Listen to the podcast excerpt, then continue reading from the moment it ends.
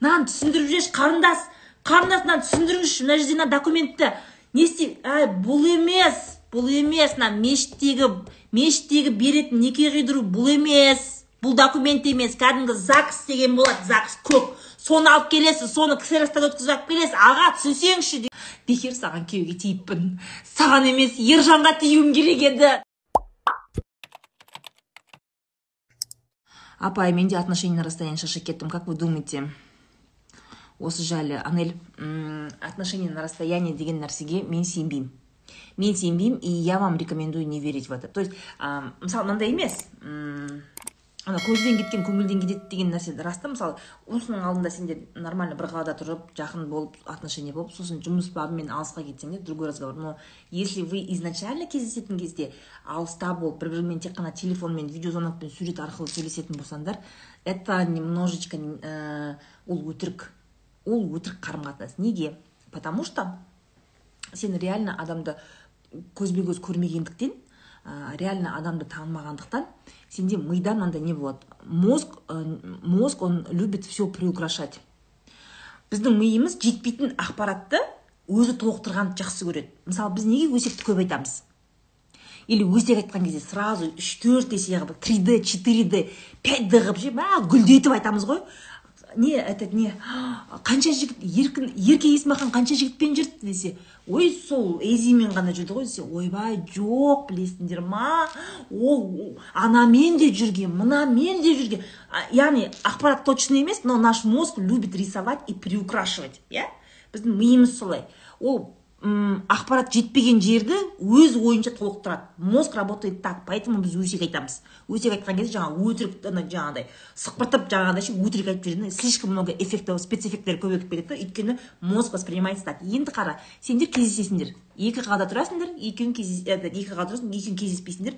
И бір бірлеріңе только идеальный жағын көрсетесіңдер ғой жаңағыдай сен оған тек қана әдемі түскен мынандай күшті андай освещениемен түскен сондай суреттеріңді жібересің. Видеозвонокта да сен мынамен бүйтіп мило сөйлесесің тек қана удачный түріңмен ше? Сөйтіп сөйлесесің ол да будет стараться для тебя. Да? Прикольно выглядеть то есть саған жақсы сөздерін айтып. Бірақ шын мәнінде ол адамның қандай екенін сен білмейсің. А сенің миың әдемі картинканы көреді да ары қарай додумывает идеализировать етіп жібересің сен ол жігітті ше. Ол да сені идеализировать етеді поэтому реальностьта кездеспегеннен кейін бір біріңнің кемшіліктеріңді нақты көрмегеннен кейін ол отношение дұрыс болмайды. Поэтому я никогда не верила в отношения на расстоянии и я вам рекомендую не верить потому что ертең бәрібір қосылған кезде начинается вот это разочарование. Мен сен бұндай деп ойлаған жоқпын. Е осы ана этот не жігіт кезінде бәрі жақсы. Жаман еркек қайдан шығады? Это вот оттуда.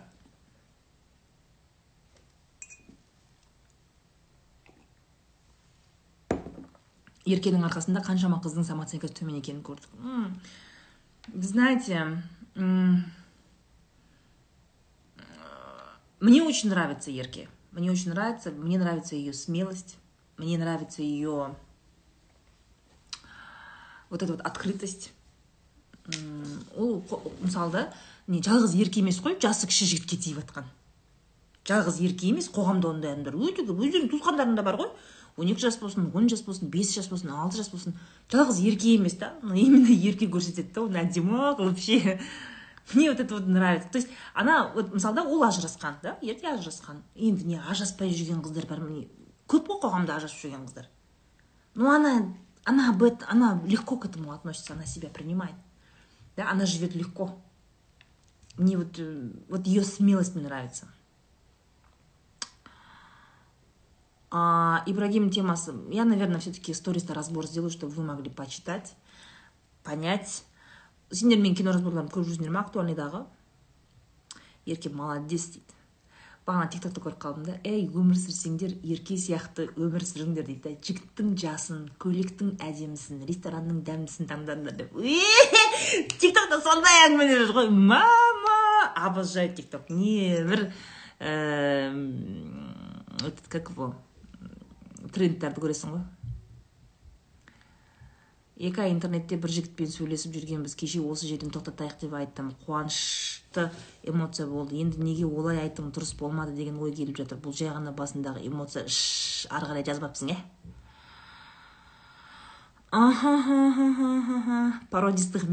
габи.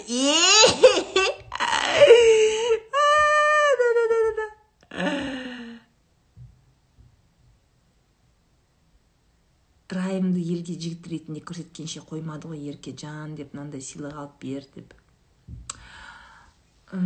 Почему? Мен ойлаймын да вот, вот именно осы қарым қатынаста больше всего под хейт попала ерке. Я вот этого не понимаю. Неғып райымды жемейсіңдер неғып соны жұңғып тұтып жұлып жемейсіңдер я не понимаю. И сосын андай сияқты как будто это она вот так вот отхапала ше. Е е райым бергеле бергел менің жігітім боласың дегенде. Е ананың да басында миы бар ғой. Он же тоже захотел быть с ней. Ответственность же на нем есть но почему то все ответственностьті еркеге артып қойған да. Ол ана жап жас жігіттің басын дуалап ана жеті жыл жүрген қызымен ажырастырып деген. Твою мать как будто вся ответственность на ней. Райымның да басында миы бар ғой. Ол да ана қызды тастады жеті жыл жүрген қызын таңдады қыдырды. Ну нормально же нормально. Они друг друга выбрали но почему то спрос еркеден мына жерде ерке мен райым отыратын болса сендер тек қана еркені ұрсатын сияқтысыңдар ғой. Райым отырады мына жерде бейшара болып ұятсыз екенсің ерке. Ұятсыз екенсің. Осы жас жігіттерге де қырғидай тиіп не болды саған ерке? Не өзіңнің жасыңда жігіт таппадың? Мына жерде отыр райым отыр да. Оған ешкім ештеңе демейді. Ерке қалай сен ұялмайсың деген сияқты әңгіме. Блин ребята расслабьтесь. Че ты хочешь шоколадку? Я, да, я буду распаковывать, но, наверное, не сегодня. Ты хочешь, чтобы я сегодня распаковала?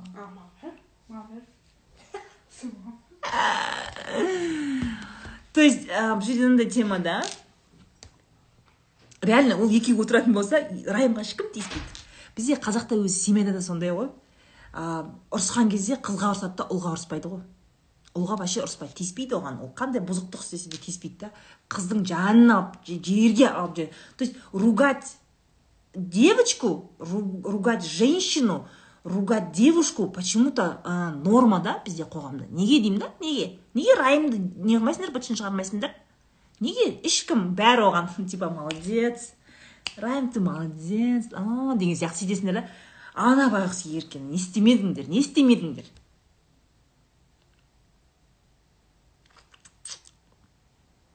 қызымен шіли жеті жыл ей білмей ме кім біл әйтеуір неше түрлі шығып жатыр ғой но факт то что бізде осы ситуацияда көрінді да мына жалпы қоғамда бүкіл жауапкершілікті әйелге артып қойған көрініп тұр көрініп тұр понимаете вот это вот прям явно видно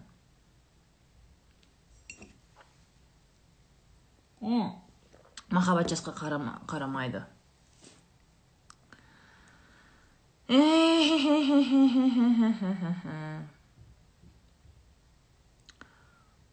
ойбай қазақша сөйлесе баламен. Мен балалармен орысша сөйлесемін всегда. Мен негізі орыс тілді адаммын. Вообще негізі в целом. В целом ә, мысалы да сендер өздерің іштей сөйлескен кезде өзіңмен өзің сөйлесіп бір ойлаған кезде сен қандай тілде сөйлесесің?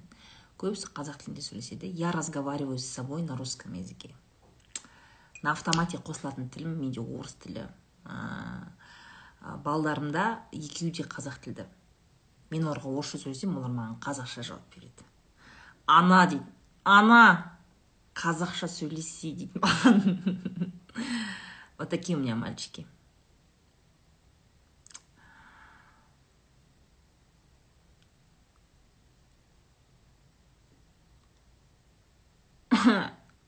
удачи назгүл удачи.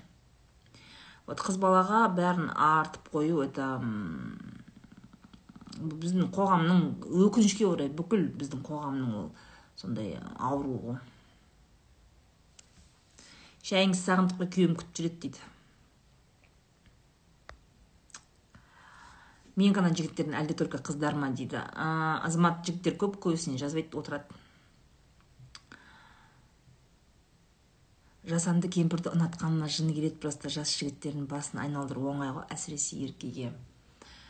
Жасанды кемпір. Почему кемпір? Она же молодая. Сосын ә, егер сендер білмейтін болсаңдар я вам скажу вот что. Старость деген нәрсе старость она наступает после 80 ә, возраст это яғни 80 жасқа дейін 80 жасқа дейінгі возраст это называется взрослый возраст. Это называется взрослость. Старость это вот после 80 начинается понимаете? Ә, осы түсінікті көбісі білмегендіктен өте ерте мысалы жасы елуде қырықта өздерін бір кемпір шалға теңеп қояды да болды жизнь закончилась. Оқуға түспе жаңа жұмыс бастама бизнес бастама қарым қатынасыңды жөндеме күйеуге шықпа деген сияқты нәрсеге өздеріңді байлап қойғансыңдар да. Негізі старость она наступает после 80 сөйтеді уже жасы елуден кейін уже өлуге дайындалып жатасыңдар ғой так уже болды бәрін істеп болдым. А, немерем бар енді өле берсем болады деген сияқты. Жасы елуге келген кезде уже өлуге дайындалады это неправда. После сорока жизнь только начинается. После сорока жизнь только да, улучшайте свою жизнь. Бизнес бастаңдар жаңа білім алыңдар оқыңдар. Уже балалар туылып өздерімен өздері болған кезде нағыз өзіңе өмір арнайтын кез ғой қырықтан кейінгі өмір. Мысалы үшін ше. Нағыз да. А сендер аласың сразу өлуге дайындаласың болды бітті ғой. Сосын үйтіп бүйтіп пенсияға ілініп алсам алпыс алпыс бір алпыс екі алпыс үшке барып бір үйтіп бүйтіп бір ілініп алсам болды можно умирать дейтін. Нет! Жизнь только начинается. Сразу өлуге дайындалып уже жатып аласыңдар ғой барып. Ребята это после восьмидесяти старейте махма сексеннен кейін тәртиіңдерші адам өзі іштей соған дайындалса мен алпыстан кейін болды мен уже өмірім бітті деп сен соған дайындалатын болсаң сен сондай боласың. Твой организм будет откликаться этому. Организм соған дайындалады. Жаңағы ауруың да көбейеді. Өйткені сенің состояниең сондай ғой жаңағыдай. Состояниең андай да болды ғой енді болды. Бәрін көрдім болды енді өле берсем болады деген сияқты да. Уже өміріңмен қоштасып жатасың да. Ну конечно сенің ойың сондай болғаннан кейін сенің организмің соған жауап береді. Сол сенің запросыңа жауап береді. Все ты старый. Ты старый человек. Зачем так делать ребят? Ерке сізден кіші ма дейді? Білмеймін жасы қаншада оның миллион қалай табамыз айына? Жұмыс істеп табасыңдар. Только жұмыс істеп ақшаны только жұмыс істеп табасыңдар. Если вы не знали давайте я вам расскажу самую главную правду жизни. Ақшаны тек қана өзіңнің қызметіңді немесе тауарыңды иә тауарыңды сату арқылы табасың. Болды. Осы екі ақ жол бар. Есть варианты когда бір андай бір миллиардер бір миллионер бір туысқаның өліп содан наследство болса тоже вариант ақшалы болуға. Немесе бай бір өте бай кісіге күйеуге тисең немесе бай әйелге үйленсе жігіт да тез ақшалы тез бай болады. Вот несколько вариантов да то есть наследство родственников если такие родственники являются вот бай болуға болады өлгеннен кейін наследствосын алуға болады. Екінші жолы ә, бай әйелге үйленіп еркек байып кетуге болады. Тоже неплохо. Сосын бай еркекке тиіп байып кетуге болады. Если осы үш вариант болмайтын болса онда не қызметіңді не тауарыңды сатасың. Болды. Ответ простой. Все қызметіңді және тауарыңды сатасың. Енді миллион теңге болу үшін сенің сол ә, тауарың тауарды сата алу қабілетің миллион теңге тұру керек та понимаешь? И қызметіңді сата алу қабілетің миллион теңге болу керек. Все міне саған шындық. А че вы думали? Сейчас какие то я не знаю бір не алтын балық бар деп ойладым ба сиқырлы таяқша бар деп ойладым ба. Что вы думали? Или ақша өзі форточкадан жабады деп ойладым. Не істеймін не деп ойладыңдар?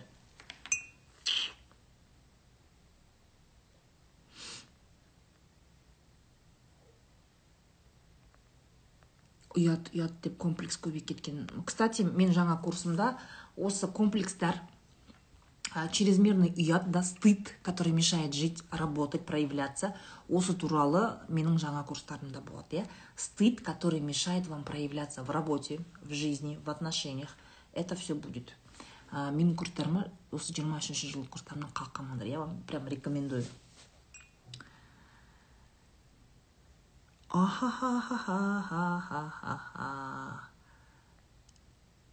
Әр нәрсеге ұят дей беретіндерге не дейсіз? Мысал ретінде айтшы айсұлу. Мен журналистпін да жақында бизнес бастап жұмыстан шығып кеттім. Но алты жыл оқыдым ғой деген ой мазалайды осындай ойлардан қалай құтылуға болады айжан? Мынандай мәселе да. Оқыдың ол сенің алған білімің бар ғой она не пропадет никуда. Ой мен осы бекер оқыппын кезінде деп ше сонда өкініп уже өтіп кеткен пойыз да ол ше. Өтіп кетті. Ол пойыз уже өтіп кетті. Сен алты жыл оқыған это уже прошлое. То что прошлое его не существует. Ол алты жыл кеткен уақытың уже кетіп қалды да. Сен отырсың алты жыл кетті енді онда істеме ештеңе. Онда отыр онда. Қой мен алты жыл оқыдым ғой енді мен никак ол журналистиканы мен сата алмаймын никак сата алмаймын мен мен предатель боламын ба сонда? Нет нет нет. Сол өмірімнің алты жылын мен сата алмаймын дейсің. Сонда сен алты жыл өмірің тұр да мына мына таразының басында ше? Жаңағы дипломды алған оқыған алты жыл өмірің тұр да. И мысалы жасың қазір допустим сенің жасың қазір жиырма бесте. Да жасың жиырма бесте да? Ары қарай құдай саған бір елу жыл жас беретін болса сонда сен сол алты жыл үшін елу жыл өміріңді сол алты жылды өкініп үстінен қарап бекер бекер бекер. Жасың жетпіс беске барғанша сол отыр. Бекер не істедім мен отыр онда отыр. Сен кішкене приоритет қойса сен ойлашы примерно примерно өзің ойлашы сен сонда алты жыл үшін сонда ары қарай жүрмейсің ба? Отыра бер онда. Қайғырып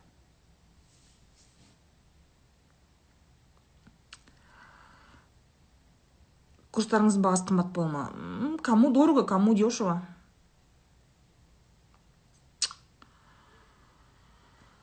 Білімге практика керек. Я согласна поэтому екінші курсымның аты әрекет. Әрекет деген курста как раз таки практикаға қалай шығып алған біліміңді практикаға қалай енгізу керек. Қалай омалып отыра бермеу керек? Это про это будет.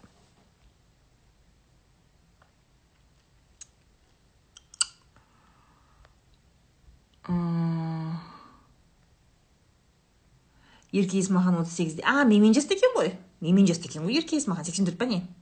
Роза ханым значит у меня ничего не потеряно. Ни у кого ничего не потеряно.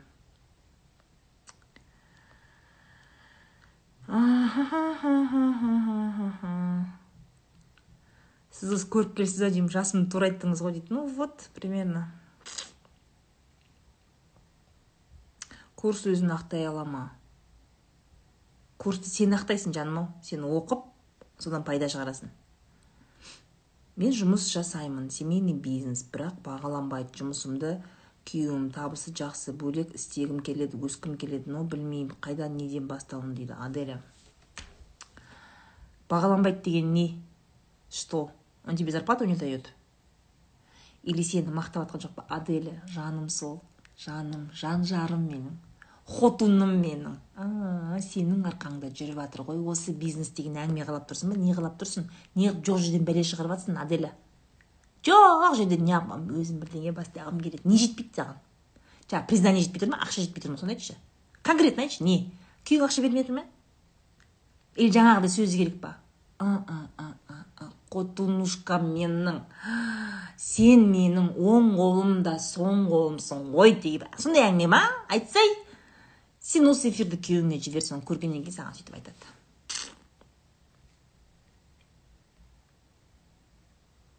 Білімі өнімі бар сата алмайтын адамға не айтасыз? Жанат это же сенде өз өзіңе сенімділік жоқ қой. Өзің жасап жатқан біліміңе сенімділік жоқ. А я знаю очень много умных людей которые зарабатывают очень мало. Очень мало. Ондай адамдар тола жетеді. Басы деген библиотека ғой википедия ғой мә опыты ше опыттары қандай? Табатыны копейка. Таких людей очень много. Проблема комплекстарда сенімсіздікте.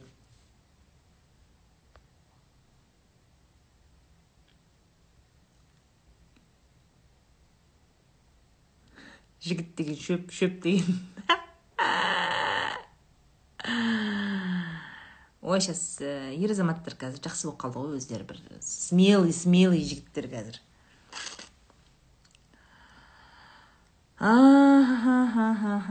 Дұрыс 14 сағаттық жұмыс это прямо топ.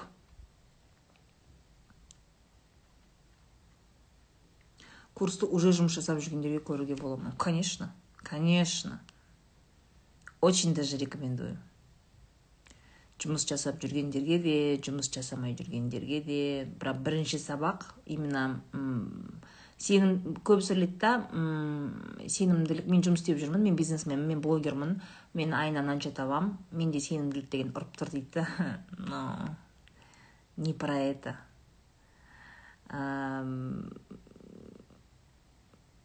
Сенімсіз адам ол сенімсіз адамның сөзі көп қой негізі.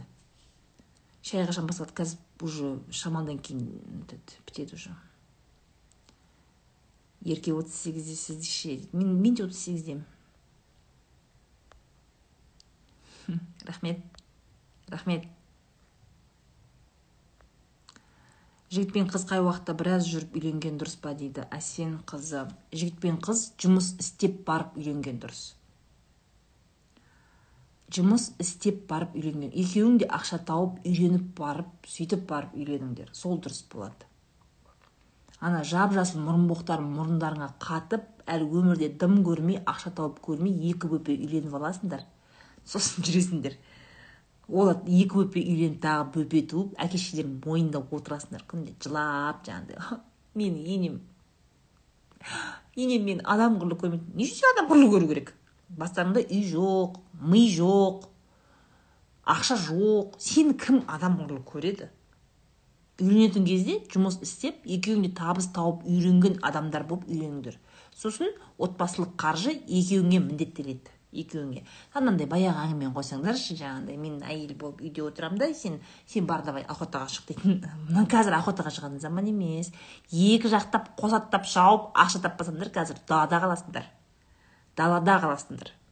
Кедей болып балаларың да кедей болып кедейлік коэффициентін көбейтіп. Мысалы ә, егер онды қарайтын болсаңдар онда неше түрлі ә, аналитика жүргізеді неше түрлі зерттеулер жүргізеді. Әр мемлекеттің кедейлік коэффициенті коэффициенті болады да.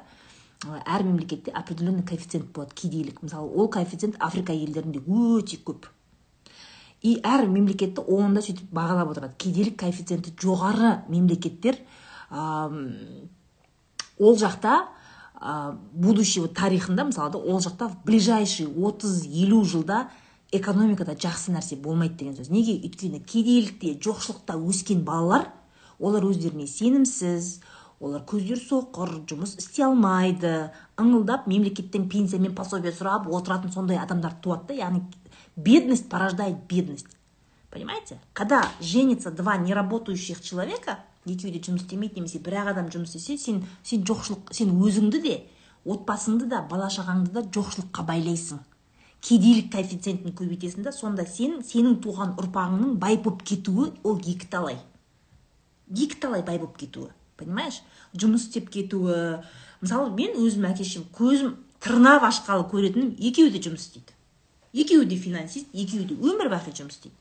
Бүйтіп мен желкелеп мен университеттен дипломды алдым да ой демаламын енді күзге дейін әлі қайда? деп үйге келдім. Бір күн болдым екінші күні папам бүйтіп желкелеп бүйтіп бүйтіп мені апарып жұмысқа тығып қойды барып мені. Понимаете? Вот люди должны работать еще до свадьбы вы должны работать. Лағып лағып махаббат лав стори бірдеңе екеуің де жұмыс істеу керексіңдер. И үйдің отбасының ақшасы екеуіңнің мойныңа міндеттелген. Қатындар осы жерде қыздар өлсеңдер өліп кетіңдер кедей болғың келмей ма екеуің бірдей жұмыс істе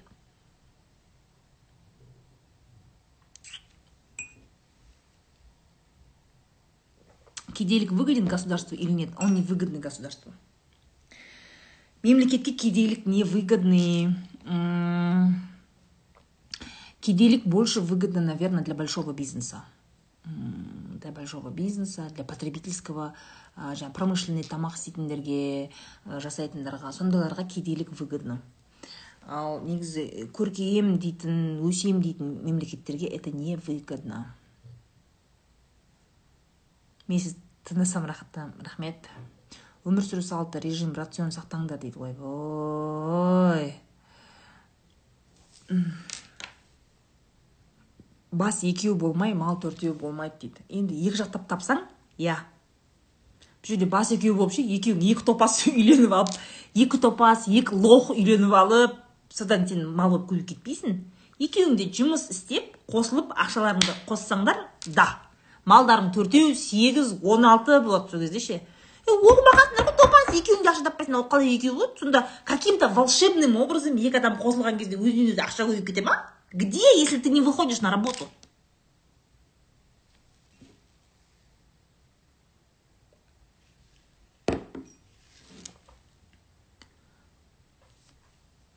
онты мен түсінбеймін ер адамдар неге әйелдерді жұмыстан жұмысқа шығармайды?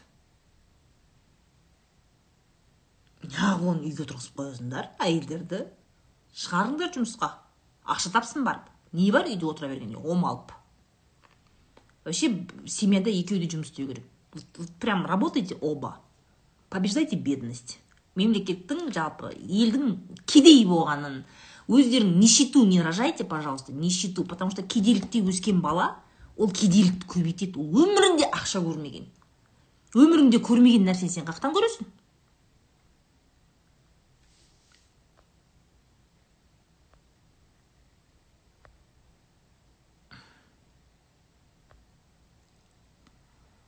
А роза ханым ұялшақпын. Адамдармен араласа алмаймын. Қалай ашылсам болады?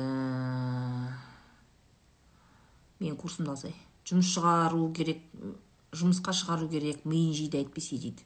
Ә, мысалға да мен осының алдында я готовила спич выступление для женщин предпринимателей мынандай сұрақ болды да орыс тілінде жасағам. Мындай кәсіпкер әйелдерден мындай момент болды. Біз кәсіппен де айналысқымыз келеді жұмыс істегіміз келеді отбасын да құрғымыз келеді. Яғни әйел болып біз барлық рычагтарды ұстағымыз келеді дейді да. Баланы да туып ә, жақсы келін де болғымыз келеді ә, жақсы жұмыс та істегіміз келеді. Ә, жаңағыдай әйел күйеуіміздің қасында жарқырап әдемі красавица болып жүргіміз де келеді. Но как? У нас не получается. Мен предприниматель болғым келеді но я не могу. Бізде қоғам слишком много требует. Үйде отыр дейді қатын анау мынау деген сияқты да? Осы мәселеде и мен кәсіпкер әйелдермен және олардың күйеулеріне арналған ә, әдейі мастер класс жүргізгенмін иә? Отбасыны дұрыс жоспарлау арқылы. Оно у меня построено на моем опыте. Біз отбасыны жоспар біз екеуміз күйеуіміз екеуміз үйленген кезде үйленбей тұрып біз отбасын жоспарлағанбыз так үйленгеннен кейін бүйтеміз бүйтеміз бүйтеміз. Баланы баланы бүйтіп туамыз ақшаны бүйтіп істейміз деп алдын ала біз соны пландағанбыз ше. Сол мастер классты мен жүргіздім да и люди были в шоке. Элементарные вещи иә ол еще орыс тілді аудиторияға қазақ тілінде емес орыс тілді аудиторияға соны түсіндірген кезде адамдар в шоке болды. Е это так это так работает и ол видео ол нәрсені ол, ол ақпаратты әйел де еркек те көру керек негізінде. Әйел де еркек яғни егер сен отбасыны дұрыс жоспарлай білсең алдын ала үйленбей тұрып ше қаншама проблема шешіледі. Қаншама проблема шешіледі. Ақшамен проблема бала тәрбиесінің проблемасы екеуінің қарым қатынастарының проблемасы ата анамен қарым қатынастың все решаемо все решаемо. Как правильно планировать ә, личную жизнь? Осыны жігіттер де қыздар да көру керек. И сонда сенде и отбасы да болады кәсіп те болады жұмыс та болады ақша да болады балаң да болады махаббатың да болады. Вот так можно здоровую семью построить.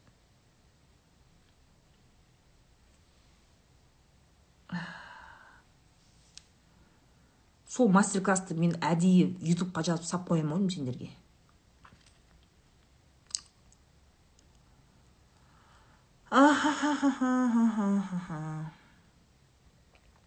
Бүгін сол нәрсені подругама айтсам жоқ күйеуім бай болады я буду ухаживать за собой дейді но я думаю чисто для развития тоже надо работать. Золото деньги драгоценности твой муж где хранит в не дейді құдай ай жаным жұмыс істегім келмейді дейтін әйелдер қыздар бар и олар в принципе готовы выйти замуж за мужчину который зарабатывает много денег. Много денег. И ол естественно сен оның условиясына көнесің да сен потом ренжіме да? Өйткені сенің ешқандай құндылығың болмай тұр ғой. Сен екеуіңнің отбасыңа сен ешқандай үлес қосып жатқан жоқсың по сути да? Сен оған равный емессің даже потому что жұмыс істемейтін адамның жалпы ойлау қабілеті де дым көрмейсің ғой сен дым көрмейсің ухаживать за собой не істейсің азаннан кешке шейін бетіңе массаж жасап отырасың ба не істейсің мысалға да ә, жұмыс істемейтін адамның миы істемейді это факт сен дамымайсың ал сенің күйеуің ол күнде жұмыс істейді неше түрлі адамдармен сөйлеседі неше түрлі келіншектермен сөйлеседі жұмыс істеп жүрген анаконда неше түрлі қақсап қалған қыздармен сөйлеседі да и ему с ними будет общаться интересно понимаете бизнес туралы неше түрлі темалар көп қой. Иә более такой обширный темаларға сөйлеседі да. А, с тобой о чем будет разговаривать он работающий мужик? О чем будет разговаривать? Памперс туралы ма? Анау памперс мынау памперс? Ана бірдеңе бала бүйтіп қойыпты. Ой бүйтіп жатыр екен сондай ма? Үйдің үйдің айналасындағы тамақ сондай баланың боғы деген темамен сөйлесесіңдер ма болды ма? Это же неинтересно.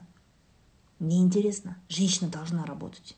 Чтобы развиваться. Хочешь быть интересен своему мужу? Работай работай. Бізде қазақстанда қарым қатынастағы психологиядағы елу процент проблема жұмыс істеумен шешіледі жұмыс істеші қаншама проблемаң шешіледі бар ғой. Мен туралы адамдар өсектейді екен. Айта береді екен не істесем болады дейтін сұрақ сразу отпадает жұмыс істейтін адам. Өйткені уақыты жоқ оның ешкімді тыңдайтын ше. Мен әр нәрсені көп нәрседен қорқа беремін уайымдай беремін дейтін нәрсе тоже отпадает эта проблема сразу лечится работой. Жұмысқа шықшы сол проблемаң шығып кетеді? Сразу. Одан кейін жаңа мен жігітіммен не сөйлесетінін күйеуіммен не сөйлесетінін білмеймін. Екеуміз просто үндемей отырамыз немесе телефон шұқып отырамыз. Жұмысқа шықшы мә әңгіме жетеді. Екеуің бір бірлеріңді ше сағынысып көрісесіңдер ауыздан аузыңа жабысып әңгімелесіп өлесіңдер екеуің бірдей жұмыс істейтін болсаңдар ше бір бірлеріңе свидание жасап. Мынаншама проблема бізде решается только жұмысқа шығумен қаншама проблема только міне еще қалтаңда ақшаң болады. Большинство наших проблем в том что это нереализованность это не работать сидеть дома омалып дым істемейтіндер вот у вас больше всего проблем. Жұмыс істейтін адамдарда проблема? Жоқ осы жерден сұраңдаршы постоянно жұмыс істейтін адамдарда сенде қандай проблема? Оларда проблема жоқ өйткені уақыт жоқ оларда. Ол проблема қазып отыруға ше они зарабатывают деньги они кайфуют. Ездят в отпуске. Делают себе приятные покупки. Мен уақытым жоқ понимаете?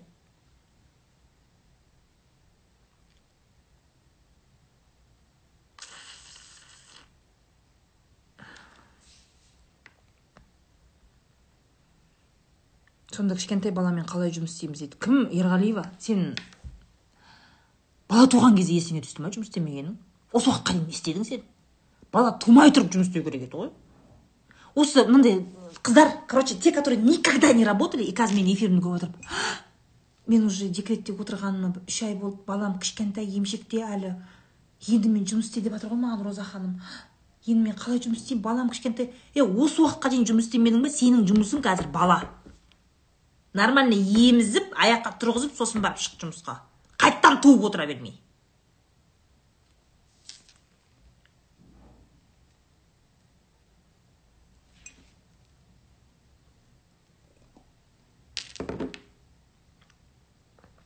Осы әңгімені он бес жыл бұрын неге айтпадыңыз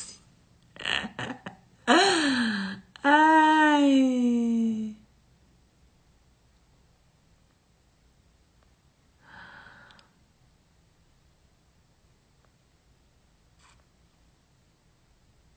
Уақыт жоқ яғни өсек не екенін ұмытып қалдық қой дейді.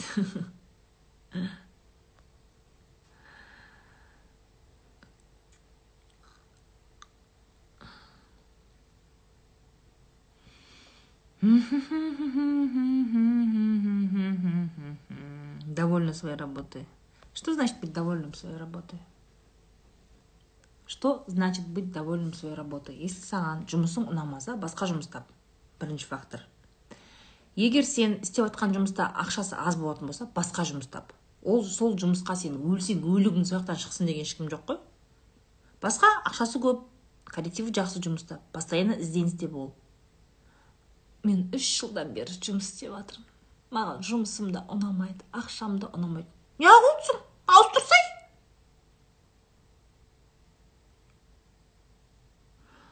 уборщица болып істейтін қыздарға не дейсіз? Полыңды жақсылап жу. Не деймін басқа. Каждый должен делать свою работу хорошо. Неважно кем ты работаешь. Кім болып жұмыс істесең де өзіңнің жұмысыңды жақсылап істе.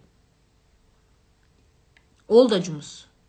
Я тоже в общежитии мыла, мыла туалеты. Мен де мен де пол это туалет жуғам общаганың туалетін мен де надо просто делать ее хорошо. Жынданбай жеркенбей осы жұмыс қазір саған керек болып тұр ма? Қолыңнан келіп жатқан сол ма? Просто соны жақсылап істе. Салмақ тастауға мотивация дейді.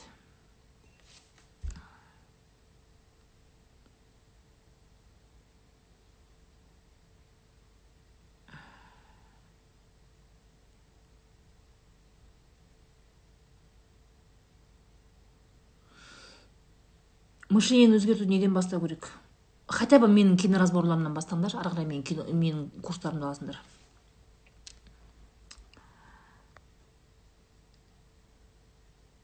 Не дейді? Роза ханым байымды зона комфортынан қалай шығарамыз? Ұрыс всегда содан болады мен жұмыстамын ол үйде дейді. Бану понимаешь? А, вот ты ругаешь своего мужа сен неге жұмысқа шықпайсың неге жұмысқа шықпайсың деп ұрсасың да күйеуіңді ше? Просто ұрсасын қоясын сенің сөзің оған уже өтпейді. Сен не айтсаң да өтпейді. Өйткені сен оның жұмысқа шықпағанына сен ешқандай оған бір әрекет жасап жатқан жоқсың да ол бір қорқатындай ойбай осы жұмыс істемегеннің арқасында мен семьясыз қаламын ау. Осының осы жұмыс істемегендіктен мен үйімнің берекесі кетті ау деген сияқты нәрсе оның басында жоқ. Неге? Потому что ол жұмыс істемейді. Бану. Сен ешақ болып жұмыс істеп келесің да оның қарны тоқ. Көйлегі көк оның кірі жуылған бесплатный секс у него есть. Правильно? Правильно. Бәрі бала шаға бәрі қаралған бәрін өзің істеп жүрсің. Он, он конкретно он хорошо он отлично устроен. Он не үшін жұмыс істеу керек. Оған жұмыс істеуге мотивация жоқ. Зачем ему работать? Он хорошо устроился. А нужно устроить ему такую жизнь чтобы жизнь не казался медом понимаешь? Ана өміріне өм ана оның жағдайы болмау керек қой. Жұмысқа шығатын адамның жағдайы болмау керек. Ол же күшті ғой. Он как тепличный помидор устроился. Қуып жібер үйден. Қуып жібер бүкіл киімдерін жина да мусорный пакетке сал чемодан берме бір жерге сатып ішіп қойып құртады. Мусорный пакетке сал да құрт көзін бар құры қаңғып кетсін қай жаққа барады екен. Әке шешесінің үйіне сыя ма сыймайды. Бауырларының үйіне сыя ма сыймайды. Жұмыс істемейтін еркек ешкімнің үйіне сыймайды. Сосын амал жоқ жұмысқа шығады. Конечно ол жұмыс істемейді ол. Жағдайы жақсы ғой не үшін жұмыс істеу керек ол?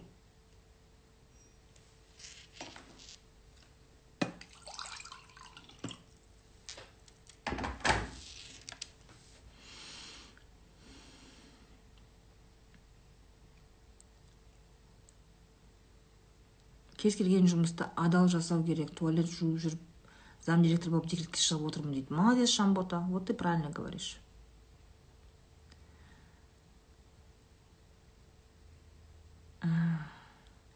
Роза ханым алиментті өндіру туралы курс оқып көмектескім келеді адамдарға көп ажырасқан әйелде осы алимент проблема деп декретте отырмын. Сіздің ойыңыз қалай? Әйгерім көр енді. Оқып дейсің да.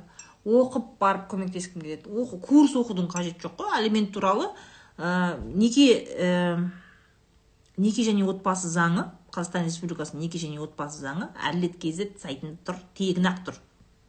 Аласың да оқып шығасың. В каких случаях выплачивается алимент оны қалай өндіру керек? Ол жерде ә, жаңағыдай нені тегін ғой ақпараттың бәрі. Оны бірінші қиындатып да. Бірінші мен ақша жинап ол курсты сатып аламын. Сатып аламын сөйтемін да. Сатып аламын да сосын мен инстаграм ашамын. Инстаграм ашамын да мен сосын оны жүргіземін. Бірақ инстаграмды жақсылап жүргізуім үшін маған тағы да сммді оқу керек. Мен смм оқимын да. Ай қалай мен инстаграм жүргіземін? Менде айфон жоқ қой енді. Енді мен кредитке айфон алуым керек та. Сонда ғана мен әйелдерге көмектесемін. Е қиындатпашы. Әділет kz страницасында бүкіл заң тұр. Неке және отбасы. Оқисың да сол туралы посттар жазасың да кәдімгі самсунгмен ақ. Сөйтесің да көмектесе бер.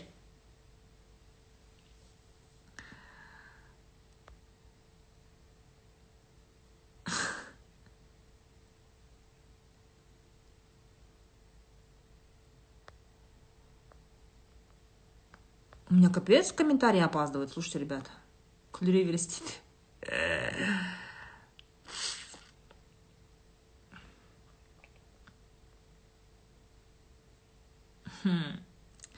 күйеуім бір жас қыз ғашық күйеуіме дейді бір жас қыз ғашық болып статусқа көзінің суретін салып қойыпты. Күйеуіме айтсам күлді де қойды дейді. Е? В смысле күлді де қойды? Типа это ему нравится? Типа что? В смысле күлді де қойды? А не үшін ол қыз сенің жігітіңнің артынан жүгіреді? Может он ее знает? Әй сен тыныш отырма шұқыла давай. Басынан құрт. Ондай нәрсені басынан құрту керек. Өздерің басына идея салып бермеңдер еркектің басына. Аса сені бір жас қыз ұнатып жүр екен представляешь? Деп ойбай оның авторитетін неменеге көтеріп жатрсың ертең шығады. Көзіңді ойып сен білесің ба не? Маған небір жастар ғашық болып жүр деп. Вообще ондай идеяны вообще айтушы болмаңдар даже ойын түрінде айтушы болмаңдар. Зачем идея салып беріп басына? Любой бәлені басынан құрту керек. Басынан еркекті бастан дегенді білесіңдер ма? Еркекті бастан. Ана сәл сәл уже ана ә, достарымен кішкене жүріп жаңағыдай ә, ішуі сәл көбейіп кетті ма? Біт сразу сразу үйде ойбай шығарып қыстырып қойыңдар бір шетін. Бір жерін қыстырып қойыңдар. Сосын ана кішкене ставка уже ойнап кеткен кезде емес сәл бүйтіп ставкалардың бүйтіп сайттарын бүйтіп қарап сөйтіп қызығып жатыр ма сразу еркекті бастан сол жерден бүйтіп нұқып нұқып сол жерден тоқтатыңдар оны. Өстіп ше өздерің қатындар өздерің ырбаң ырбаң етіп бірге деп күліп жүресіңдер ертең екінші қатынаған кезде. Ойбу деп отырасыңдар сосын. Басынан құрт еркекті бастан осындай қитың ситыңдар пайда болды ма сразу сразу знаете ату жазасына чтобы неған кезде сразу жаңағыдай нервный трик не нервный срыв болып истерика ұстап екінші рет даже ол туралы ойламайтындай болу керек. Өздерің құртасыңдар сөйтіп есіртіп бар ғой. Ай қойып кететін шығар өзі деген сияқты. Ой зато менің күйеуім красавчик. Сәл бүйтіп саған уже бүйтіп қолын бүйтіп көтерді ма это значит в следующий раз он тебя ударит. И не надо пожалуйста вот этих ваших слов ана инстаграмда тиктокта жоқ анау еркектің таяғын жемеген қатын қатын емес деген. Фу! Бабы сендер өздерің өздеріңе жаусыңдар ғой. Өздерің өздеріңе жаусыңдар ғой. Қолдайсыңдар соны ше. Негізі өзім тілден таптым деп блять қатындар! Никогда ондай нәрсе айтпаңдар. Каждый ответственен за себя. Сәл сондай әңгіменің ұшы шықты ма бытышын шығарасың сразу сразу басынан басынан мынандай запрет қоясыңдар ыржың ыржың ет мәз болып отырмай күлді де қойды. Неге ол күледі екен? Жылат оны. Жылат.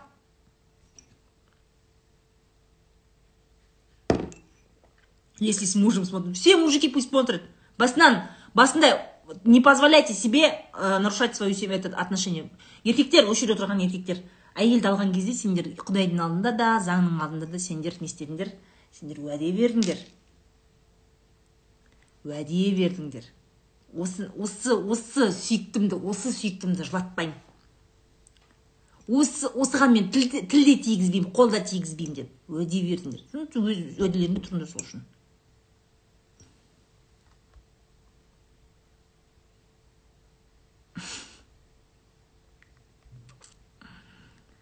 күшік кезде тәрбиелеңдер басынан еркекті еркекті бастан. Никогда. Жаңағыдай даже бар ғой қатындар сендер өздерің құртасыңдар мынандай әңгімелер бар ғой сендердің ше.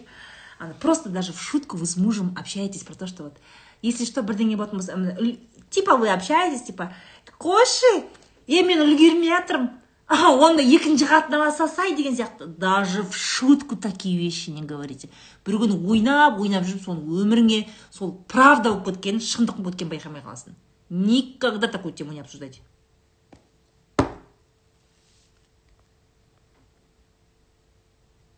үйге қонбай ертеңінде ұялмай кіріп тұратын еркекке не істейміз сөйлесіп көрдік дейді.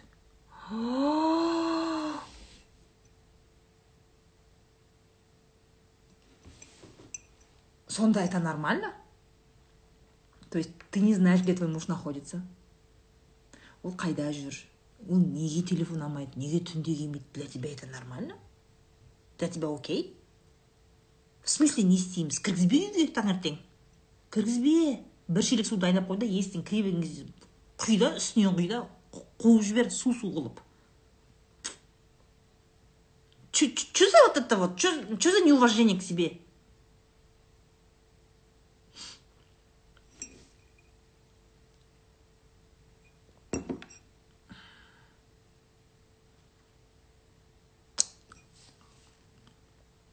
Күйеуіме сөзге келіп қалдық. Пошел вон деді. Маған сол сөз ауыр тиетінін айтсам жай сөз ғой ол дейді. Бля осы сол үшін ажырасқым келіп кетіп жатыр дейді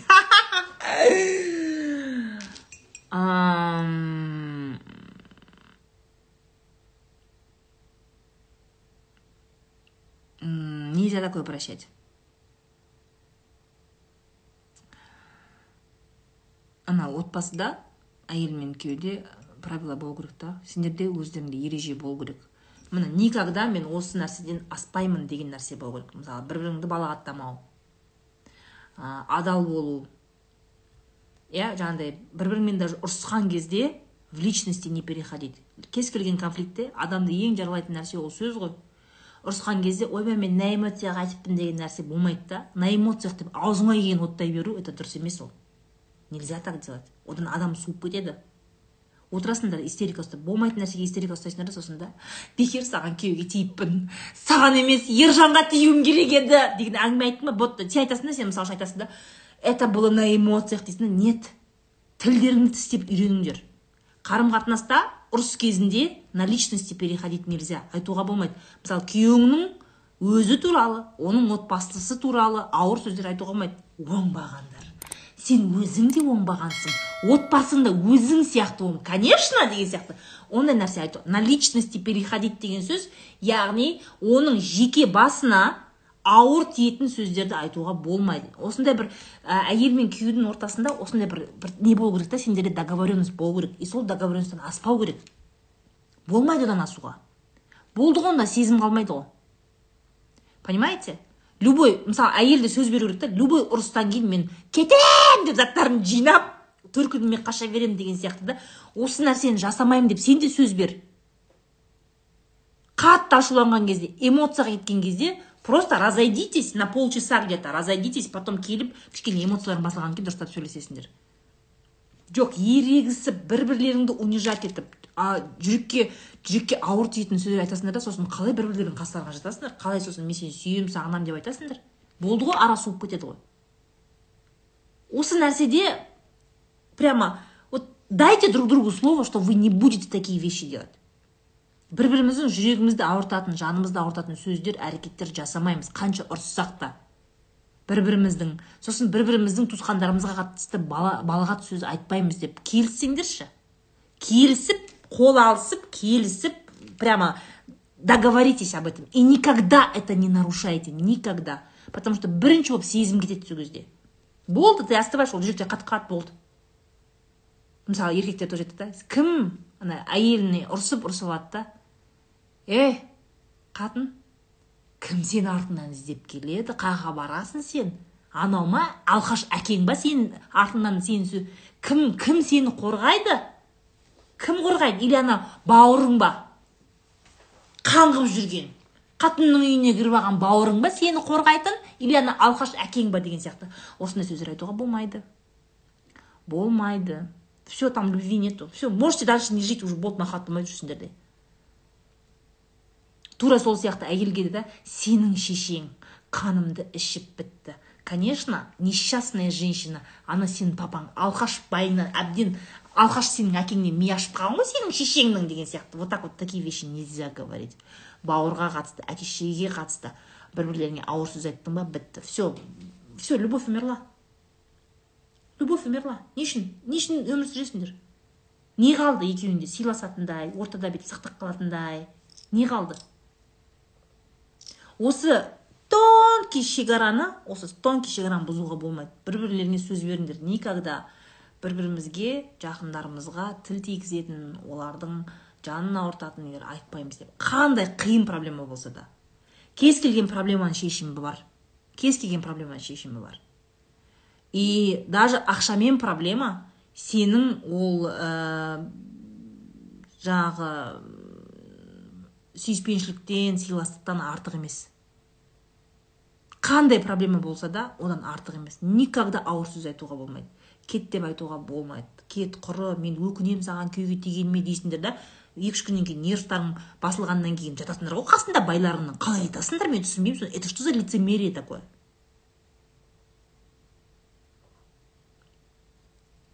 Ақыры кетпейтініңді білесің ба? Онда тіліңді тісте. Еркек болсаң да әйел болсаң да. Кетпейтініңді білесің ба?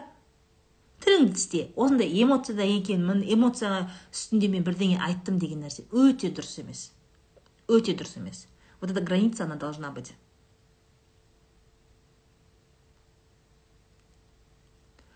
Муж таксует ақша тауып жатыр бірақ до этого работал в офисе и, хор... и с хорошей зп но раза два сократили бірақ ол бірақ он опустил руки и себя чувствует неуверенным. Как его поддержать и направить?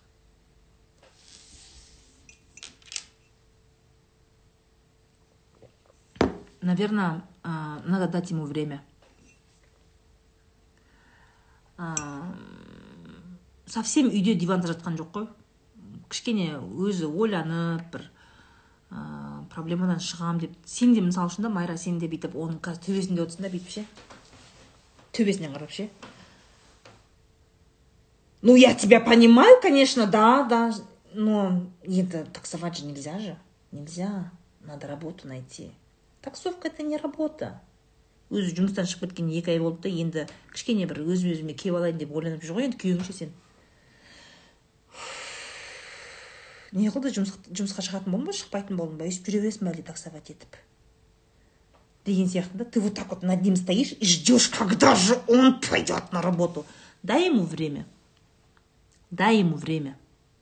Ты давишь на него. Может ол таксовать етіп үйден сенен қашатын шығар потому что ты психологически на него давишь. Ауыр сөздер айтқаны үшін кек алып жатырмын байдан пожалуйста. Міне екеуміз бір бірімізге құсып аламыз да дейді. Жаман болып жүремін дейді. Пожалуйста. Балалар үшін. Все любви нету.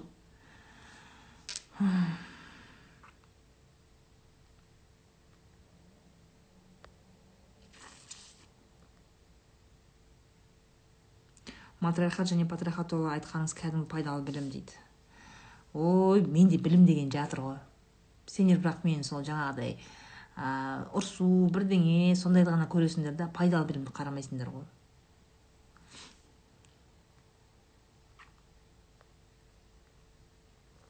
Общалась с женатым и влюбились друг в друга. Жена пишет что не против чтобы я вышла замуж за него второй женой подруга боламыз дейді дейді енді не менен бата күтіп отырсың ба?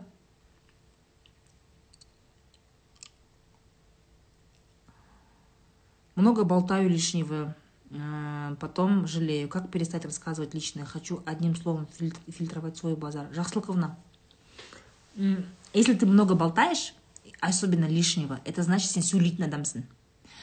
Постарайся, то есть, чем запрещать, надо осы нәрсені наоборот пайдалы нәрсеге ә, жұмсау керек та если ты ең сен болтливый адамсың ба көп сөйлейтін жерге жұмысқа тұр сен азаннан кешке шейін тек сөйле сөйле білмеймін консультант па сонда консультант болсай сен.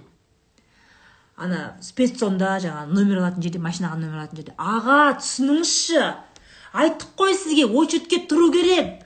Бермейді нөмірді былай документіңізді әкелмегенсіз ба? Болмайды өйтіп аға сіз бүйтіңіз сіз мында тұрыңыз деген сияқты сондай сөйлейтін жұмысқа тұрсай сен. Сөйтіп ана шаршап келесің ғой. Үйде уже үйге келген кезде жағың істемейді шаршап келесің де үйге ше. Сен сол кезде лишний әңгіме айтпайсың вообще. Зато ақшаң болады. Консультант болып тұр. Ә, тағы не көп қой осындай ше бір ана аузың жабылмайтын продажаға тұр. Азаннан кешке шейін продажа сөйлейтін да. Вот яғни сенде мысалы да вот сенде сөйлейтін қабілет бар да сен болсаң енді мен сөйлемейтін сөйлемейтін болсам дейсің ол сенің құдайдан берген сенің табиғи сенің қабілетің ғой. Е ақша қылсай оны. Монетизируй. Аузыңа скотч байлай бермей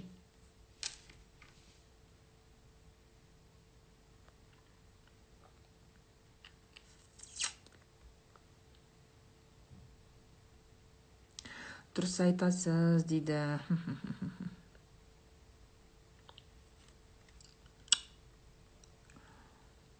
үйленгенде солай келіскенбіз қандай мәселе болса да ауыр сөз айтып жанымызға жараламаймыз деп алты жыл болды конфликт кезінде әркез ә, жанымызды жанымызды ұстаймыз дейді. Үлкен сыйластық әлі бар дейді. Молодец. Е басың істейді екен сен. Молодец. Міне осылай болу керек.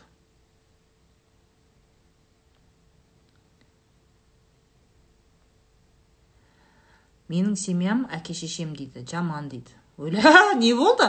Сол себепті жақсы жігітті кездестіре алмаймын деген установка қалай жеңсе болады? Плиз жауап берсеңіз дейді. Ну если ты в это веришь значит это и есть.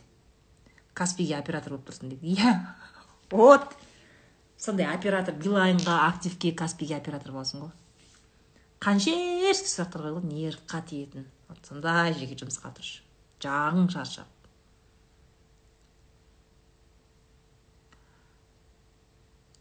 қыздардың полиция қызметкері болған дұрыс па дейді.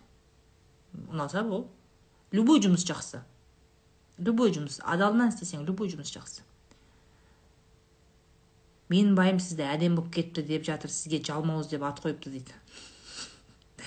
Мен жақпаймын көп еркектерге жақпаймын. Феминист деп айта берсеңдер болады.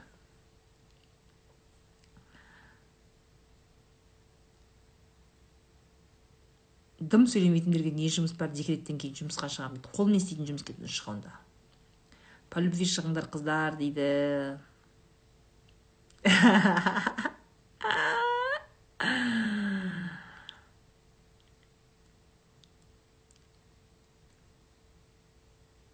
шындық болғасын жақпайды жігітім көп уақыт жұмыс жасайды маған почти көңіл бөлмейді дейді. Қайта қуанбайсың ба сондай жігітің болғанына? Күйеуіме өзім жеткізе алмаймын күйеуіме өз ойымды жеткізе алмаймын не істеймін дейді. Сен бүйтесің кітап аласың. Любой өзіңе ұнайтын кітапты аласың да соны дауыстап оқисың күнде үйде. Күйеуің жұмысқа кеткен кезде телефонды бүйтіп қосып қой да видеосын қосып қой да ана кітапты дауыстап оқы. Оқы дауыстап оқы. Каждый раз дауыстап оқы. Сөйтесің да ана видеоны көресің. Жаман ұяласың ше мен жындымын ба мен қуып жатырмын ба деген сияқты бар ғой. Сондай миыңда сондай не болады сопротивление болады. Екінші рет сен соны істегің келмейді. Бірақ сен аласың да екінші күні тағы да телефонның видеосын қосып қоясың да тағы да дауыстап оқисың дауыстап оқи бересің оқи бересің ана кітапты ше. Күнде соны істейсің. отыз күн істейші қалай ойыңды жеткізіп смело сөйлеп күшті болып кеткенін байқамай қаласың. Қазпоштаға тұрсын дейді. О менің небір хит эфирлерім бар ғой қай жаққа жұмысқа тұру керек? Соларды көрсеңдерші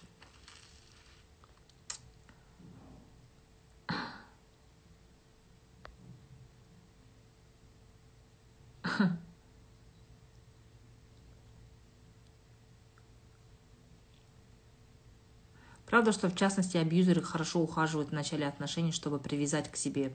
Ведусь на такое жестко, дейді Но...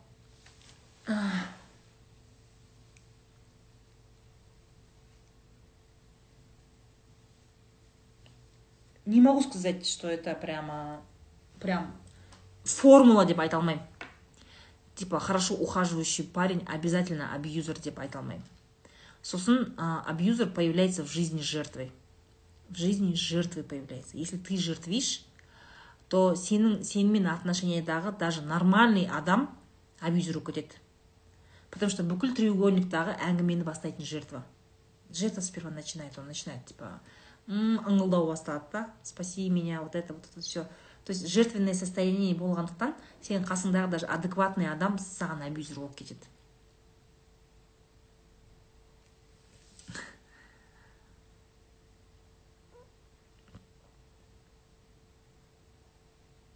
ОМТС дейді что такое МТС сабақтарыңыз бар ма. Айсұлу дайректке жазыңыз я скоро продажи откроются. Самоуверенности не хватает. Как можно исправиться? Я тебя приглашаю на свой курс который начнется очень скоро. Ой сонда жұмыс рахат қой. Мен егер қазір егер өзімнің жұмыс ә, опытты жұмыс жолымды бастасам мен обязательно соңға тұратын едім. Обязательно соңға тұратын едім. Вот прямо это must have қой. Тұрсаңдаршы мама бүкіл өмірді көресіңдер ғой. Жаман пысисыңдар сол жерде.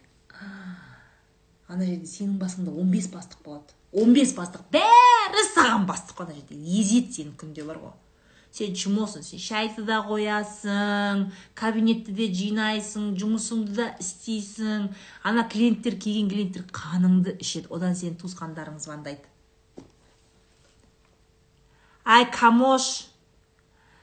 Е анау! Ана білесің ғой анау ағаңды. Амангелді ағаң білесің ғой ол. Ол бармайды ол шықпайды үйден. Ана пенсиясын ала алмай жүр екен сен соның ана удостоверениесін өтіп кетіпті. Камош сен сонда жүрсің ғой сол ана удостоверениені өзің үйге әкеліп бере салшы дейді ғой сонда. Сондай туысқандарың болады ғой. Сосын саған келеді да. Мынаны түсіндіріп жіберші қарындас. Қарындас мынаны түсіндіріңізші мына жерде мына документті. Не істей әй бұл емес бұл емес. Мына мешіттегі мешіттегі беретін неке қидыру бұл емес. Бұл документ емес. Кәдімгі загс деген болады загс көк соны алып келесіз соны ксеростан өткізіп алып келесіз. Аға түсінсеңізші деген кезде. А айтпайсың ба соны? Сосын мына жақтағы шығады біреу он бес бастығың біреу. Камош! Әй камшат! Ана бастық шығып кетті. Бар тез кабинетін жинап кел не үшін мен жинаймын? Бар ғой секретаршысы не үшін мен жинаймын? Е жұмыстан шығып келесің бар дейді лох болып барып оның кабинетін жинайсың. На тебе будут ездить все. Вот все будут ездить. Сен соның бәрінен шыдап уважаемый сотрудник болатын болсаң вот вот. Егер мен жұмыс жолын бастайтын болсам зеленая болып мен соңға баратын едім.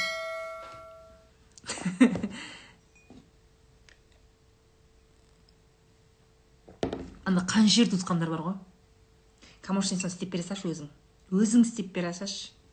Ой ой бармайды ол соңға бармайды. Өзің қол қоя салсай әй түсіндіріп айтасың да. Болмайды келеді мына жерде бізде камера тұрады.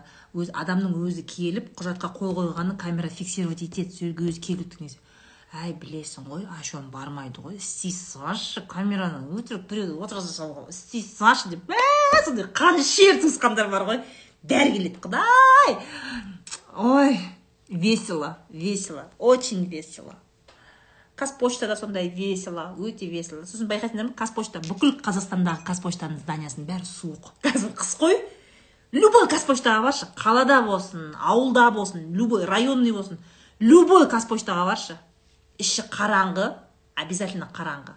Андай лампочкалері тусклый қазпошталардың ішінде лампочкалері тусклый да. Суық бәрі андай фуфайкамен бірдеңе болып ана әйелдер ана түбіт орамал бар ғой ана жүн орамал сондамен бүйтіп белдерін орап алған соны бүйтіп арқасын орап алған сөйтіп отырады. Ана қолдарына перчатка киеді да ана басы қырқылғанша ана қағаз аудара алмай қалды ғой деп ана қағаз аудара алмай қалды сөйтіп почему то вот сколько қазпочта көремін бәрі сондай суық есік ашылған кезде ана адамдар кіріп шығады ғой есік ашылған кезде. Азынап кетеді ғой іші ше ана суық бар ғой. Отырады бәрі злые бар ғой. Жынданып отырады. Қазпошта қазпоштаға жұмысқа болсаң вообще енді самый стрессоустойчивый боласың ғой. тағы қандай жұмыс бар фармацевт ой егер фарма оқыған болсаңдар обязательно фармацевтика аптекаға жұмысқа тұрыңдар. Ол жақта да небір қиялдар келеді. Неше түрлі андай орыс шалдар кемпірлер келеді.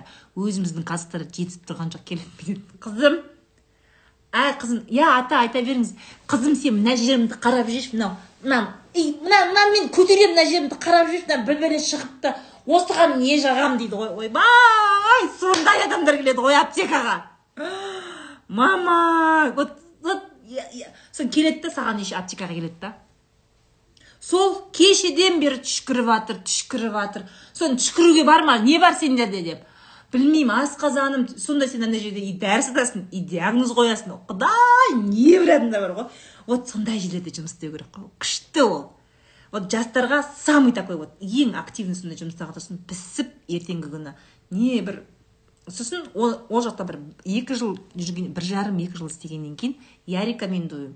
Тағы да егер сондай мықты сондай школадан өтіп келгің келетін болса онда бір басшының помощнигі болыңдар жаңағы секретарша бар ғой. Сондай помощник болыңдар құдай хат жазудан грамотно хат жазудан. Енді мастер боласыңдар.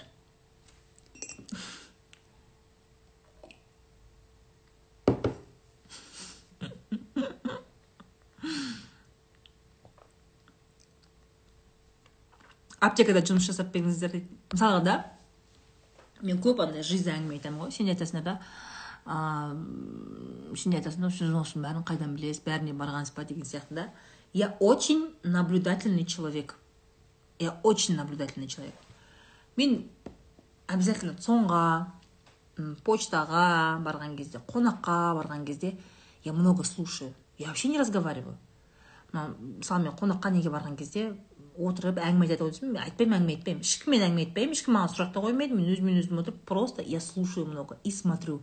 Я наблюдаю кім не деп жатыр поведениесі қандай адамдардың қандай проблемасы бар. Ну аптекада да мысалы очередьте тұрасың ғой. Просто очередьте тұрған кезде аптекада ше құдай небір персонаждар келеді ғой құдай ай қызық ше мне нравится сидеть в очереди очередьте отырамын мен асықпай. Мен әдейі мысалы үшін бүкіл банктерде мен әртүрлі банктердің клиентімін ғой. Бүкіл банктің проблемаларын шешуге мен бір күнді арнап қоямын әдейі. Сөйтемін да әртүрлі банктердің очередьтерінде отырамын ерінбеймін. Отырамын қарап отырамын кім не істеп жатыр қандай персонаждар бар. Өмірдің өзі қызық қой. Өмірдің өзі сабақ өмірдің өзі қызық қой. Я специально вот сижу в очередях и специально все наблюдаю. И вот потом вам рассказываю.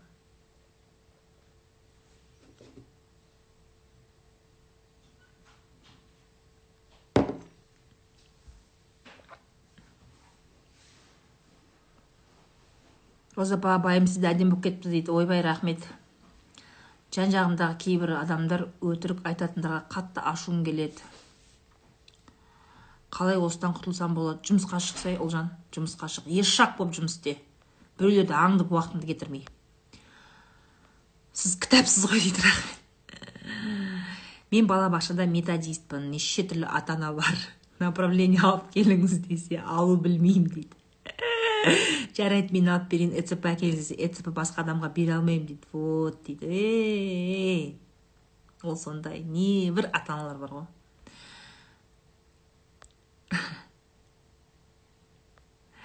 Күйеуім жадный дейді айтып қойдым бұл туралы. Роза ханым сізге жұмыскер керек па? Дейді мені алыңызшы дейді ботагөз. Нет пока нет вакансия жоқ пока. Народный кассасына. И ана пенсия пособие алатын жерлерге баратынмын мама мама нағыз өмір сол жақта нағыз өмір сол жақта күрестен тренермін түрлі ата аналар келеді. Ғой балам өте нәзік жұмсақ қараңызшы дейтіндер күйдіреді дейді. Мен ылғи сондай жұмыс жасағам официант секретарь дейді. Да.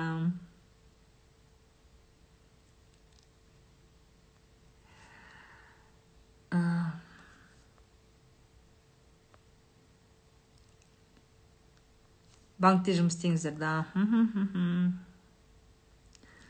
а при расставании лучше все обиды высказать или просто нехорошей ноте попрощаться дейді кім сая высказать болғанда надо сказать не высказать андай высказать андай айт айтып айтып таста емес да понимаешь надо сказать в наших отношениях с твоей стороны были некоторые ошибки которые я перенесла очень плохо и это стало причиной нашего расставания это вот это вот это вот это вот это вот это деп списком жазасың да жазасың и айтасың это не значит что ну как бы, может быть, даже и хорошо, что, что мы с тобой расстались, но я хочу, чтобы ты об этом знал. Возможно, это тебе поможет в твоих будущих отношениях. жазып жібер сая үндемей қалма бірақ андай емес та айтам бәрін бетіңе айтам не вот это вот знаешь обида бір претензия емес нет просто абсолютно с холодной головой перечисление фактов. Вот в наших отношениях ты допускал вот такие, такие, такие отношения, для меня это неприемлемо. Поэтому мы расстались. мынандай күшті хаттар жазып сая кітап сол мысалы да мен өте көп уақытты мен ассистент болғам генеральный директордың ассистенті болғам. Одан бөлек вообще қағаз жазудан хат жазудан официальный письма ресми хаттар жазудан орыс тілді және қазақ тілді ресми хаттар жазудан. Чемпион болғанмын мен сколько служебных писем я писала. И осы нәрсенің плюсы сен перепискада любой адаммен перепискада сен нақты жазасың да. Маған именно көмектескен нәрсе осындай ә, официальный ресми хаттарды жазу ресми құжаттарды толтыру арқылы мен ойымды четко жіберемін да. Четко жазамын. Тура мен мысалы жазатын болсам мен чет андай лишний сөз жоқ. Сен бүйткенде мені ондай емес нет четко абсолютно холодный слова.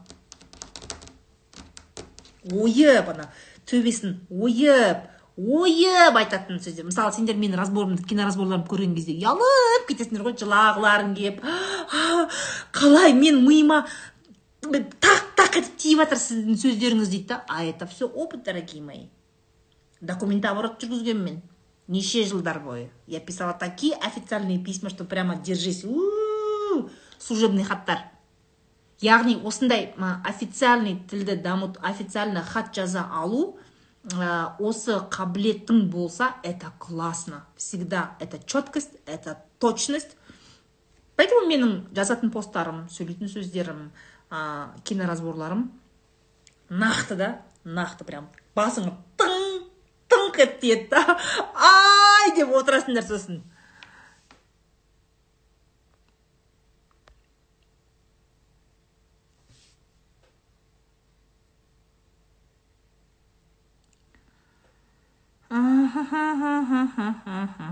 руыңыз кім қоңыратпын мен сегіз жас жігіт ұнайды не істесем болады сегіз жас жас деген не? Кіші ма сенен? Нормально әйгерім это нормально. Болды расслабьтесь. Ерке есікті ашты ғой. Расслабьтесь. Можно спокойно. Сату менеджері болып жұмыс жасап көрдім. Ортам қатты ұнайды. Бірақ жұмыс емес ужасно адамдар көп. Қандай жұмыс жасарымды қалай жұмыс бірақ жұмыс емес ужасно адамдар көп дейді. Медина и, че он теплицада отыр онда? В смысле ужасный адамдар көп? Значит сен просто адамдарға подход таба алмайсың. Сату менеджері адамдарға подход таба алу керек. Сол кезде ол саған мысалда любой адамды түртсең нервысына тиетін нәрсе істесең любой адам саған ужасный жағын көрсетеді да. Даже міне божий одуванчик миленький болып отырған адамның өзі егер оған тиісетін болсаң құсады саған. Значит ты плохой продавец. Дело не в людях. Ты не умеешь подход находить и делать продажи. Сәл өзіңді не қылсаң сату маманы ә, не білу керек адамдарға подход қалай жасау керек коммуникация қалай болу керек соны оқысай сәл. Кішкене миыңды кеңейтші ыңылдап отыра бермей уқалап. Ойбай адамдардың бәрі жаман екен деп. Саған сені түртсе сен де қазір біреуге құсасың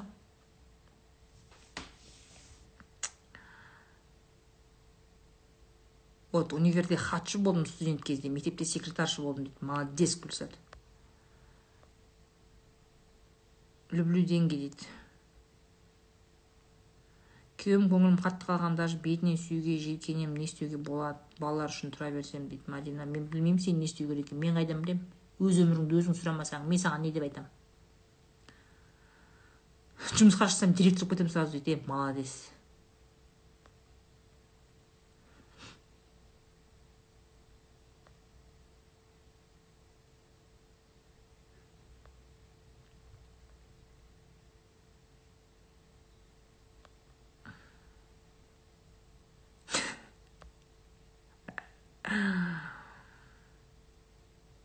Хорошие люди всегда страдают. Вы согласны? Нет. Страдают только страдающие люди. Люди, которые выбирают страдать. Страдать и не страдать – это всегда выбор. мен киноразборда сендерге всегда жауапкершілікті өздеріңе алыңдар деп айтамын ғой адамның қайғыруы қайғырмауы ол өзінің таңдауы ты выбираешь страдать или нет сәмсіз бе сәмсіз сәмсіз сәмсіздер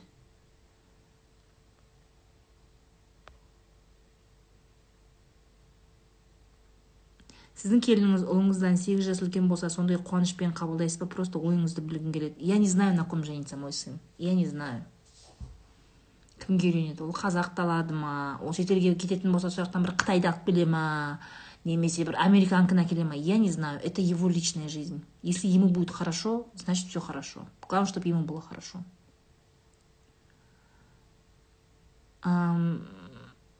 Жақсы көретін адамдарыңның таңдауын сыйлай білу керек та. Шын жақсы көретін адамыңның таңдай, таңдауын сыйлай білу керек. Если он выбирает ее если он ее любит. Почему нет? Мен білгем қоңырат екенін қой айдын қайдан білдің рахмет ұйықтап кетейін деп отырық дейді ей жатайық иә қоңырат как вы описали жизнь? Какую жизнь? Енем біздің шкафқа киімдерін салып қойды қалай айтуға болады. Просто купите ей шкаф. Просто купите ей свой шкаф. Проблема решится дорогая моя. Айта алмайсың ба не деп айтасың оған оның жүрегін ауыртып қоям дұрыс түсінбей қалады деп қорқасың ба? Просто купите ей собственный шкаф. Проблема решается.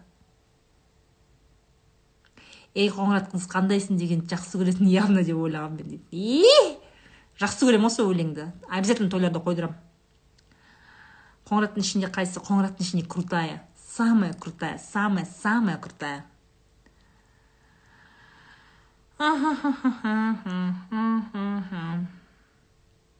киноразбор сториста дорогие мои.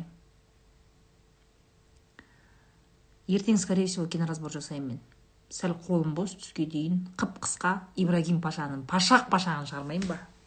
Өздерің танисыңдар. Осы жерде отырған көпшілік жаңағы кәсіпкерлер инфобизнесмендер блогерлер кішігірім блог жүргізетіндер сетевой бизнеспен айналысатындар жұмыс істейтіндер ертең обязательно ибрагим пашаның разборын көріңдер мама жылайсыңдар это я вас доведу до слез деп отырасыңдар обязательно посмотрите приглашаю вас и вот я сейчас смотрю у меня по календарю более-менее свободное время такой ұзақ емес қып қысқа бірақ я вам объясню почему ему голову отрубили хюррем мне не интересно ә, сериал не ғой великолепный век курс бола ма болады все всем пока всем до свидания спокойной ночи. Эфир сохраню. Қайталап көріңіздер пока